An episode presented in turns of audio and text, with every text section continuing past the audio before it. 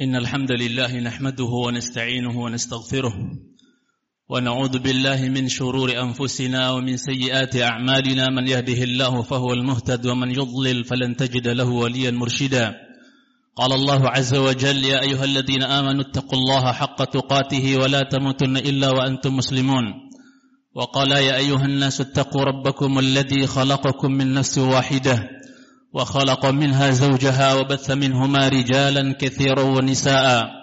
واتقوا الله الذي تساءلون به والأرحام. إن الله كان عليكم رقيبا.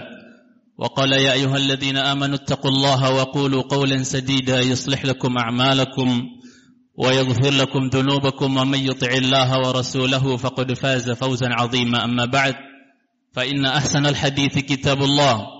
وخير الهدي هدي محمد صلى الله عليه وسلم وشر الأمور محدثاتها فإن كل محدثة بدعة وكل بدعة ضلالة وكل ضلالة في النار أما بعد Sidang Idul Jum'ah yang khatib cintai karena Allah Tabaraka wa Ta'ala Sepanjang perjalanan dunia Pernah hidup satu generasi Yang tidak akan pernah terulang kembali Jilun lan yatakarrar generasi yang tidak akan pernah ya terulang kembali. Generasi yang telah mendapatkan tazkiyah dari Allah Jalla wa ala langsung dan dari Rasul yang mulia alaihi salatu wassalam. Generasi yang kita diperintahkan dalam agama untuk meniti jejak dan cara beragama ya hidup dan kehidupan mereka kita diperintahkan untuk meniti jejak mereka yang apabila kita menyimpang dari jalan kehidupan mereka dari akidah mereka, dari cara ibadah mereka, maka neraka yang menanti waliyadzubillah. Generasi tersebut adalah generasi sahabat radhiyallahu taala anhum ajma'in yang Allah Jalla wa'ala telah ridhoi mereka sebagaimana ayat yang sering kita dengar dalam At-Taubah ayat yang 100 bahwasanya muhajirin wal ansar wal ladzina ittaba'uuhum bi ihsan radhiyallahu anhum wa radu an. Allah telah ridha kepada mereka dan mereka pun ridha kepada Allah Rabbul Izzati wal Jalal. Dan pastinya hamba-hamba yang telah mendapat atau terlanjur diridhai oleh Allah Jalla wa ala, maka pastinya tidak ada tempat yang layak buat mereka melainkan di surga Allah Jalla wa ala. Maka sering kita sampaikan bahwa siapa yang menginginkan untuk masuk ke dalam surga maka hendaknya mereka mengikuti jejak hamba-hamba Allah yang telah dijamin surga untuk mereka. Wa kullu wa'adallahu husna dan masing-masing mereka Allah telah janjikan kebaikan. Al-husna al-jannah yaitu surga. Kemudian Allah Jalla juga menjelaskan dalam surah Al-Fatih ayat yang ke-18 dan ke-19 yang menunjukkan bahwa Allah telah meridhai mereka dan ini tazkiyah untuk mereka dari Allah Rabbul Izzati wal Jalal. Laqad radiyallahu 'anil mu'minina id yubayi'unaka tahta asy-syajarah fa'alima ma fi qulubihim 'alaihim wa atabahum fathan qariba wa maghanima katsiratan ya'khudunaha ila akhir al-ayah. Bahwa sungguh Allah Jalla wa'ala telah ridha terhadap siapa? Anil mu'minin. Dan tidak ada mukmin pertama melainkan sahabat radhiyallahu taala anhu ajmain dari kalangan umat ini. Mereka adalah orang-orang yang beriman yang pertama yang Allah telah ridhoi mereka. Ya. Yang kemudian Allah Subhanahu wa taala katakan bahwa ya fa'alima ma fi qulubihim dan Allah tahu apa yang ada di dalam hati mereka, kejujuran keimanan mereka, bersihnya hati mereka. Allah Subhanahu wa taala tahu dengan sebab kejujuran, dengan sebab kebersihan hati mereka, kesucian hati mereka, Allah Subhanahu wa taala menghadiahkan kepada mereka hadiah yang banyak. Allah karuniakan kepada mereka karunia yang banyak. Subhanallah. Apa di antaranya? Allah Subhanahu wa taala katakan fa anzalas sakinata alaihim dan Allah turunkan maka Allah turunkan bagi mereka sakinah, ketenangan, ketentraman. Walaupun hidup mereka rata-rata papa, miskin, akan tetapi apa? Akan tetapi ketenangan mereka rasakan, sekinah mereka raih disebabkan kesucian dan kebersihan hati mereka. Ya, di saat banyak orang bergelimang harta tapi hatinya kotor, maka dia tidak rasakan kebahagiaan. Tidak ada sakinah, tidak ada ketentraman, tidak ada kebahagiaan yang dia rasakan. Kemudian wa asabahum fathan qariba dan Allah Jalla ala karuniakan berikan berikan balasan kepada mereka atau ganjaran kepada mereka, hadiah untuk mereka fathan qariba, yaitu kemenangan yang dekat. Fathu Makkah Allah Subhanahu wa taala janjikan buat mereka bahkan wa maghanim ya'khuduna dan ghanimah-ghanimah harta rampasan perang yang banyak yang mereka ambil. Karunia yang banyak yang Allah karuniakan hanya dengan sebab satu hal, yaitu kesucian dan kebersihan hati mereka.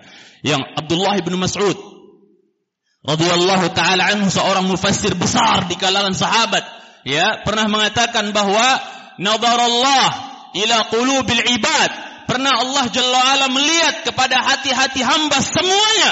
Fawajada qalba Muhammadin sallallahu alaihi wasallam khair qulubil ibad. Ternyata Allah dapatkan sebaik-baik sesuci-suci hati hamba adalah hatinya Muhammad sallallahu alaihi wasallam yang kemudian dengan sebab itu Allah memilih beliau menjadi rasulnya ya sallallahu alaihi wasallam. Kemudian setelah itu, thumma nadhara ya ila qulubil ibad ba'da qalbi Muhammadin sallallahu alaihi wasallam fawajada qalba ay quluba ya ashabin nabi sallallahu alaihi wasallam khairu qulubil ibad. Tatkala Allah telah mendapatkan hati Nabi kita Sallallahu Alaihi Wasallam paling suci, paling bersih. Allah lihat lagi hati-hati manusia yang lain.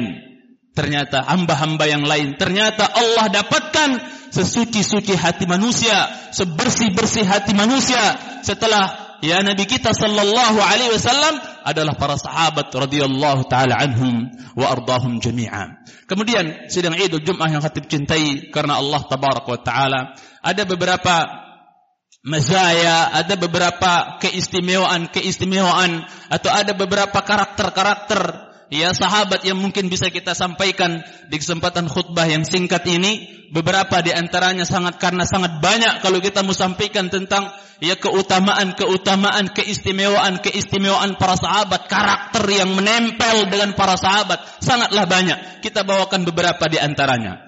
Di antaranya disebutkan oleh para ahli ilmu bahwa para sahabat itu hum qaumun ya istama'u ay istama'at fihim khisalul khair.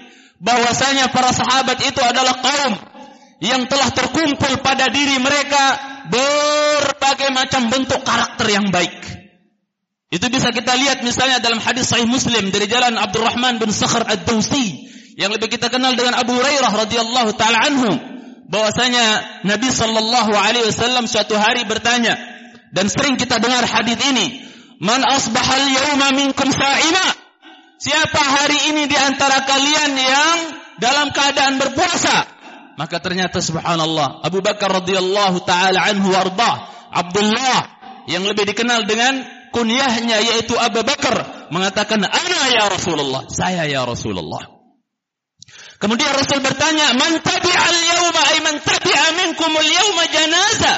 Siapa di antara kalian yang hari ini mengikuti jenazah mengantarkan jenazah menguburkan jenazah siapa ana ya Rasulullah ternyata yang angkat lagi adalah Abu Bakar radhiyallahu taala saya ya Rasulullah Rasul bertanya lagi, "Man at'ama al-yawma ay man at'ama minkum al-yawma miskina?" Siapa di antara kalian yang hari ini memberi makan orang miskin? Maka Abu Bakar juga yang mengangkat dan mengatakan, "Ana ya Rasulullah, saya ya Rasulullah." Maka Rasul bertanya lagi, "Man 'ada minkum al-yawma marida?" Siapa di antara kalian yang hari ini menjenguk orang sakit? Maka beliau Abu Bakar radhiyallahu taala anhu kembali yang angkat dan mengatakan, "Ana ya Rasulullah." Maka Rasulullah sallallahu alaihi wasallam mengatakan, "Majtama'at bimri'in illa dakhala al-jannah." Tidaklah empat perkara tadi ngumpul pada satu orang kecuali pasti dia masuk ke dalam surga kata Rasulullah sallallahu alaihi wasallam. Maka mari kita berusaha untuk mengikuti jejak mereka, perjalanan mereka sedang Idul Jumat yang dimuliakan Allah wa taala. Dalam hadis sahihain ya Bukhari dan Muslim dari jalan Abu Hurairah radhiyallahu taala anhu juga ya kita lihat bagaimana ya Rasulullah sallallahu alaihi wasallam ya bersabda bahwasanya ya man anfaqa barang siapa yang menginfakkan zaujaini min syai'in min hadhil asya ay min al asya fi sabilillah. Siapa yang menginfakkan? Ya barang atau barang siapa yang menginfakkan zaujain? Ada yang memaknakan artinya dua dinar, ada yang memaknakan dua dirham. Barang siapa yang menginfakkan dua dinar atau dua dirham, ya dari sesuatu ini yaitu dari harta benda atau apa dinar dan dirham di jalan Allah Jalla wa ala yud'a min abwab maka dia akan dipanggil dari pintu-pintu ay min abwabil jannah dia akan dipanggil dari semua pintu surga maksudnya maka Abu Bakar radhiyallahu taala anhu ardah setelah Rasulullah SAW melanjutkan mengatakan, "Fa in kana min ahli salah, du'iya min babis salah." Kalau orang itu ahli salat, maka dia akan dipanggil dari pintu salat. Wa in kana min babil jihad, wa in kana min ahli jihad, du'iya min babil jihad. Kalau dia adalah ahli jihad, maka dia akan dipanggil dari pintu surga yang dinamakan pintu jihad. Wa in kana min ahli sadaqah, du'iya min babis sadaqah. Kalau dia dari ahli sadaqah, dia akan dipanggil dari pintu sadaqah. Wa in kana min ahli siyam, du'iya min babil rayyan. Apabila dia termasuk ahli ya puasa saum, maka dia akan dipanggil dari pintu yang dikenal dengan Ar-Rayyan. Maka Abu Bakar Masya Allah takjub dan mengatakan, ya, ma'ala hadha allati alladhi yud'a min tilkal abwab min darura. Ya Rasulullah, ya, tidak ada yang memudaratkan orang yang, dipin, yang dipanggil dari semua pintu surga tersebut. Enak sekali ya orang dipanggil dari semua pintu surga ya Rasulullah. Ya. Kok Abu Bakar radhiyallahu taala anhu mengatakan, "Hal yud'a min tilka ayl, hal yud'a min min tilkal abwab kulliha ahad?" Ya Rasulullah, ada enggak orang yang dipanggil dari semua pintu surga tersebut? Maka apa? Rasulullah sallallahu alaihi wasallam mengatakan, "Na'am." wa arju an takuna minhum ya Abu Bakar. Ya, ada orang yang dipanggil dari semua pintu surga. Seolah-olah pintu surga itu semuanya yang jumlahnya delapan itu berebut agar dia masuk melalui pintunya, melalui pintu tersebut. Maka Abu Bakar Rasulullah sallallahu alaihi wasallam kepada berkata kepada Abu Bakar, "Ya wahai Abu Bakar, dan aku berharap engkau termasuk di dalamnya." Ini di antara karakter mereka, bahwasanya mereka manusia-manusia hamba-hamba yang terkumpul pada diri mereka segala macam bentuk kebaikan. Kemudian mereka para sahabat adalah radhiyallahu taala mujmain ya hamba-hamba Allah yang telah mengorbankan segala segala-galanya untuk din, untuk agama, memperjuangkan agama Allah, membela agama yang dibawa oleh Rasulullah sallallahu alaihi wasallam, ya bi amwalihim wa arwahihim. Bahkan mereka ya berim apa namanya berjuang untuk agama Allah dengan harta mereka dan nyawa mereka. Ya. Dijelaskan dalam hadis Abu Daud bahwasanya Umar bin Khattab radhiyallahu taala anhu bercerita, lihat bagaimana perjuangan mereka dengan harta mereka untuk agama Allah Jalla wa ala. Umar bin Khattab radhiyallahu taala anhu bercerita, "Amarana Rasulullah sallallahu alaihi wasallam yauman an natasaddaq." Suatu hari Rasulullah sallallahu alaihi wasallam memerintahkan kepada kami untuk bersedekah. Fawafaqa dzalika malan 'indi. Ternyata pas waktu itu saya lagi punya harta kata Abu Bakar kata Umar radhiyallahu taala anhu. Maka apa? Beliau bawa harta beliau ya ke hadapan Rasulullah sallallahu alaihi wasallam digelar itu harta beliau di hadapan Rasulullah sallallahu alaihi wasallam ya.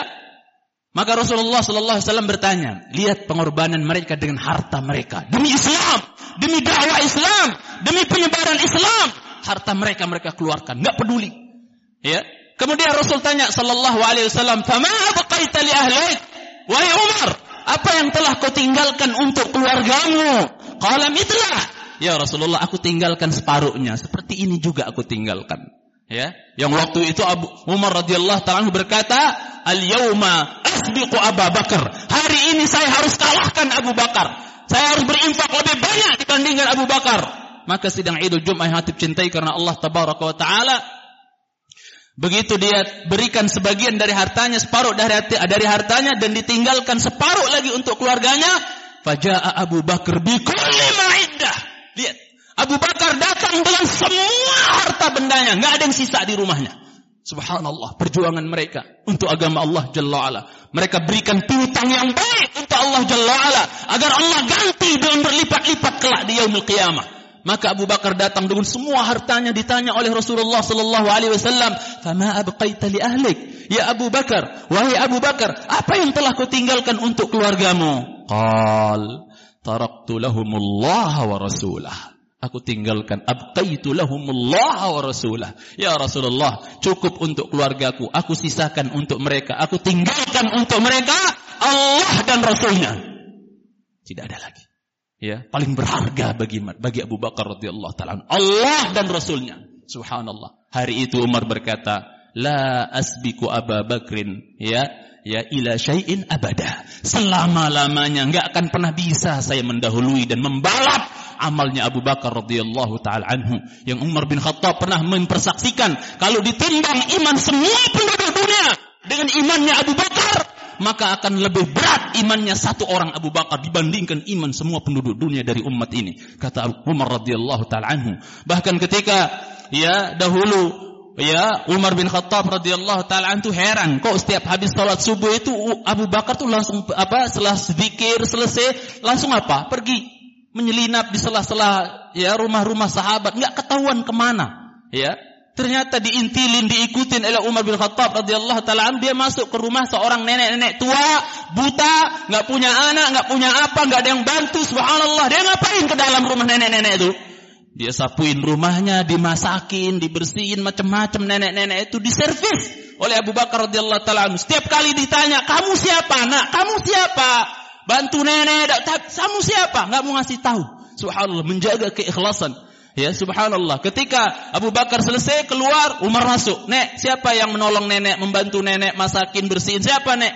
Subhanallah. Nggak, nggak mau ngasih tahu siapa dia. Masya Allah. Lihat Abu Bakar benar apa menjaga keikhlasannya. Satu saat Rasulullah Sallallahu Alaihi Wasallam mengatakan, ya, memfonis seorang sahabat masuk ke dalam surga. Maka Umar berkata, hari ini saya nggak boleh kalah juga sama Abu Bakar. Saya harus mendahului, ya, ya siapa pun untuk memberitahu kabar gembira ini tentang bahwa sahabat itu masuk ke dalam surga. Diberitahu oleh Nabi Shallallahu Alaihi Wasallam. Maka begitu selesai, ya, Umar bin Khattab merasa orang yang pertama berangkat ke rumah sahabat itu mau ngasih tahu dan ini pahala besar memberi kabar gembira kepada seorang Muslim. Dia pergi datang ketuk salam. Kemudian Mas Rasul kasih tahu di, dari, dari di masjid, masjid bahwa engkau calon penghuni surga. Apa kata laki-laki tersebut? Baru saja Abu Bakar datang ngasih tahu saya. Allahu Akbar, sudah duluan. Subhanallah. Aku qouli hadza wa astaghfirullah li wa lakum wa li muslimin wal muslimat min kulli dhanbin wa khati'ah fastaghfiruhu innahu huwal ghafurur rahim.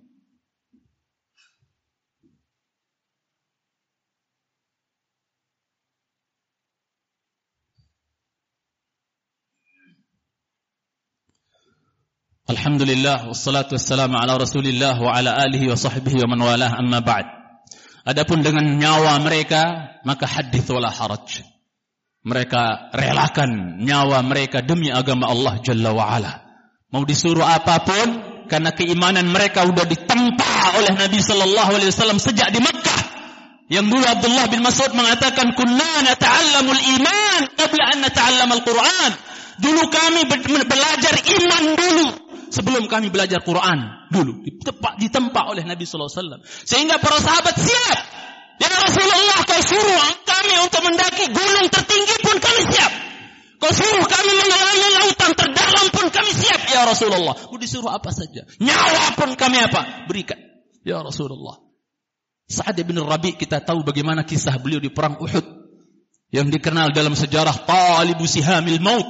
Sang pencari panah kematian Sa'ad ibn Rabi yang ketika selesai perang Uhud maka Rasulullah Shallallahu Alaihi Wasallam mengatakan siapa di antara kalian yang melihat Sa'ad ibn Rabi faakrihu minni salam tolong kirimkan salam saya kepada Sa'ad ibn Rabi ternyata dicari oleh Ubay bin Ka'ab cari mana di sela-sela apa mayat-mayat yang bergelimpangan dicari oleh siapa? Oleh Ubay bin Ka'ab didapatkan dalam keadaan meregang nyawa. Apa kata Sa'ad ibn Rabi?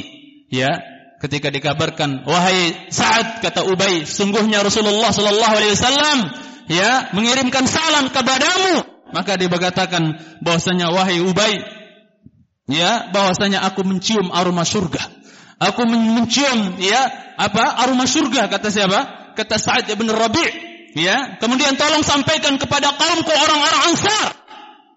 Sampaikan kepada kaumku orang-orang Ansar tidak ada udur bagi mereka untuk tidak membela, menolong, berjihad, berjuang bersama Rasulullah sallallahu alaihi wasallam sedangkan mata mereka kedua mata mereka masih bisa bisa dikedipkan selama mata mereka masih bisa berkedip nggak ada udur di sisi Allah untuk mereka tidak bantu dan tolong berjuang untuk menolong Rasulullah sallallahu alaihi wasallam. Sekarang Rasul sudah tidak ada, apanya yang kita tolong, apanya yang kita bela, apanya yang kita perjuangkan?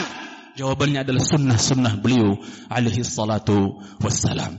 Kemudian sidang Idul Jumat yang hatib cintai karena Allah Jalla wa'ala. Di antara karakteristik atau sifat menonjol para sahabat radhiyallahu taala mujmain yang berusaha hendaknya kita titi jejak dan perjalanan mereka mereka adalah qauman ma'akalul halal ma'akalul haram wala yarda bil ya wala yardawna bil ghish wal khida' wal hiyal bahwasanya di antara karakternya para sahabat itu mereka adalah orang-orang yang enggak ridha. Ya, mereka orang-orang yang apa? Tidak pernah makan yang haram. Mereka jijik dari yang haram, memasukkan ya makanan yang haram ke dalam perut mereka. Jijik jauh mereka. Coba kita lihat dalam hadis Ibunda Aisyah radhiyallahu taala anha yang diriwayatkan oleh Imam Al-Bukhari dalam sahihnya bahwasanya pernah ya Abu Bakar radhiyallahu taala anhu beliau dulu punya seorang budak namanya ya Nuaiman, namanya Nuaiman. Kemudian apa? Biasanya Abu Bakar makannya beliau itu dari hasil tangannya Nuaiman ini, budak beliau ini. Maka suatu saat Nuaiman datang bawa makanan kepada Abu Bakar radhiyallahu taala disuguhkan dan dimakan. Maka dia tanya, "Ada dari mana Wahai tuan Abu Bakar, kau tahu enggak ini dari mana nih makanan yang kau makan ini? Kalau mahu, Abu Bakar nanya, ini apa? Dari mana ini? Kata dia, kuntu takahantu fil jahiliyah. Kuntu takahantu li insanin fil jahiliyah. Dulu di zaman saya masih jahiliyah, wahai Tuhan, saya itu ya pura-pura jadi dukun. Maksudnya dukun abal-abalan, pura-pura jadi dukun. Ya, ada pasien datang, ya, maka aku pura-pura jadi dukun. Kemudian apa? Walakinni khada'tuhu fa'atani bidzalik. Aku tipu dia, aku kibulin dia, aku pura-pura jadi dukun. Wala uhsinul kahana, padahal memang aku nggak bisa dukun ya? Akan tetapi khada'tuhu aku menipu dia. Fa'atani bidzalik dia kasih saya ini nih. Dia kasih saya ya dinar atau dirham ya dikasih saya maka saya beli makanan ini dari hasil dukun abal-abalan tersebut. Ini bukan dukun beneran. Bagaimana kalau dukun beneran? Ini dukun bohongan. Hasilnya oleh Abu Bakar enggak mau. Maka apa? Abu Bakar radhiyallahu taala anhu fa yadahu ya maka beliau memasukkan ya entah jari jemari beliau beliau masukkan ke dalam kerongkongan beliau. Faqa'a kulla syai'in min batnih dia keluarkan dia muntahkan semua yang ada di isi perutnya. Dia masya Allah waliyad menunjukkan bahwasanya mereka ya sangat jauh dari perkara yang haram. Dari memasukkan yang haram ke dalam jasad mereka. Karena mereka paham sabda nabi mereka yang mulia alaihi salatu wassalam. Kullu lahmin nabata min suhtin fannaru awla bih. Setiap daging yang tumbuh dari hasil yang haram, maka nerakalah yang lebih layak dan lebih pantas ya untuk jasad tersebut, untuk daging tersebut. Khatib akhiri khutbah kedua ini dengan salah satu di antara karakter mereka juga para sahabat radhiyallahu taala anhum ajma'in di mana mereka adalah apa? Ya qauman atharu ikhwanahum ala anfusihim. Mereka adalah kaum yang lebih mengedepankan saudara mereka dibandingkan diri mereka sendiri. Mereka butuh, tapi mereka lihat saudara mereka juga butuh. Maka mereka lebih kedepankan saudaranya dibandingkan diri mereka. Wa ala anfusihim walau kana bihim khasasa. Mereka lebih mendepankan ya orang lain dibandingkan diri mereka. Padahal mereka juga punya kekhususan, punya kebutuhan. Subhanallah. Tapi itulah akhlak mulia para sahabat radhiyallahu taala anhum ajma'in. Dalam hadis Bukhari yang sering kita dengar dari jalan Anas bin Malik radhiyallahu taala anhu warda bahwasanya apa? Tatkala Abdurrahman bin Auf, masyhur hadis ini sering kita dengar terutama para santri pasti sering dengar. Datang Abdurrahman bin Auf, orang kaya Mekah yang datang ke Madinah nggak bawa apa-apa. Subhanallah. Ya, hanya bawa akidah, bawa agama, menyelamatkan agama, hijrah kepada Allah dan Rasulnya. Ya, maka apa beliau datang dalam keadaan miskin, papa nggak punya apa-apa. Padahal di Mekah kalau dia jalan, minyak wanginya bisa kecium jarak sekian meter. Subhanallah. Saking mahalnya minyak wanginya Abdurrahman bin Auf. Datang ke Madinah nggak bawa apa-apa dipersaudarakan oleh Rasulullah sallallahu alaihi wasallam dengan As-Sa'ad Sa'ad bin Rabi. Dipersaudarakan. Maka Sa'ad bin Rabi berkata kepada Abdurrahman bin Auf, "Ya, alimatil ansar, wahai Abdurrahman bin Auf, saudaraku Abdurrahman bin Auf, orang Ansar sudah tahu semua. Ya anni aghnan nas malan. Ya aktarun nas malan. Bahwasanya aku ini adalah orang yang paling banyak hartanya di Madinah. Tauladangnya banyak istrinya pun ada empat Subhanallah. Maka apa sidang Idul Jumat yang hati cintai karena Allah tabarak wa taala, silahkan kau pilih dari petakan-petakan sawahku itu mana yang lebih kau suka. Masya Allah, yu'thiruna ala anfusihim walau kana bihim khasasa. Di saat sebagian orang nggak peduli, nggak care dengan kondisi saudaranya. Lihat sawahku, ya kebunku mana yang paling kau sukai? Ambil dia separuhnya. Aku bagi kebunku itu menjadi dua, kau ambil mana yang kau lebih suka. Kemudian saya memiliki beberapa istri, kau pilih mana yang lebih kau sukai. Aku ceraikan dia apabila habis masa iddahnya kau nikahi. Subhanallah. Ya, subhanallah. Pelajarannya begitulah perhatiannya mereka kepada saudara mereka. Ya, radhiyallahu taala anhum ajmain. Peduli. Ya, peduli. Ada hadis yang diriwayatkan Imam Hakim yang memang ya dipermasalahkan kesahihannya, laisa minna man lam yahtam bi amril muslimin. Ya, bukan golongan kami yang enggak peduli dengan kondisi orang-orang beriman, orang muslim dan seterusnya. Walaupun hadisnya bermasalah. Subhanallah, tapi secara makna benar. Ya. Ya. Kemudian apa? Ternyata Abdurrahman bin Auf mengatakan, Barakallahu laka fi malik wa ahlik. Semoga Allah memberikan keberkahan pada hartamu dan istrimu. Cuman satu minta saya, dulani ala suk. Tolong tunjukkan saya di mana pasar. Maka beliau apa? Berbisnis. Yang kata para ulama, saking canggihnya Abdurrahman bin Auf dalam berbisnis, dia apa? Ibaratnya kalau lihat batu di pinggir jalan dibongkar emas di bawahnya. Saking lihainya dalam berbisnis. Tak lama beliau berbisnis ya dengan minjam emas sebesar biji korma Kemudian dia bisnis di pasar Madinah. Tak lama beliau jadi orang kaya di Madinah, subhanallah. Pelajarannya adalah mereka adalah kaum-kaum yang sangat perhatian dan care terhadap saudara mereka. Sampai Hudzaifah bin Yaman dan ini kita akhiri dengannya. Bahwasanya Hudzaifah bin Yaman jangankan sama manusia, jangankan sama-sama ya muslim, sama sahabat mereka saling perhatian. Hatta sama semut pun mereka perhatian. Hudzaifah bin Yaman kalau makan roti atau apa sering nggak dihabisin, sisain sedikit. Kemudian pergi ke samping rumahnya, masukin ke lubang semut. Dia lihat tuh semut keluar, bawa tarik itu potongan roti itu. Masya Allah. Ditanya, kenapa kau lakukan itu wahai Hudzaifah? Maka kata dia, li'annahunna jarati. Karena semut-semut itu adalah tetanggaku dan Rasulullah Shallallahu Alaihi Wasallam memerintahkan untuk berbuat baik kepada tetangga. Ya, begitulah karakternya para sahabat. Mudah-mudahan kita bisa meniti jejak dan perjalanan mereka. Inna Allah wa malaikatahu yusalluna ala nabi. يا أيها الذين آمنوا صلوا عليه وسلموا تسليما. اللهم صل على محمد وعلى آل محمد كما صليت على إبراهيم وعلى آل إبراهيم إنك حميد مجيد. وبارك على محمد وعلى آل محمد كما باركت على إبراهيم وعلى آل إبراهيم في العالمين إنك حميد مجيد. اللهم اغفر للمسلمين والمسلمات والمؤمنين والمؤمنات الأحياء منهم والأموات. اللهم يا مقلب القلوب ثبت قلوبنا على دينك. اللهم يا مصرف القلوب صرف قلوبنا على طاعتك. اللهم إنا نسألك الهدى والتقى والعفاف والغنى. ربنا ظلمنا أنفسنا وإن لم تغفر لنا وترحمنا لنكونن من الخاسرين. ربنا آتنا في الدنيا حسنة وفي الآخرة حسنة وقنا عذاب النار. وصلى الله على محمد وعلى آله وصحبه وبارك وسلم. وآخر دعوانا أن الحمد لله رب العالمين. كن الصلاة.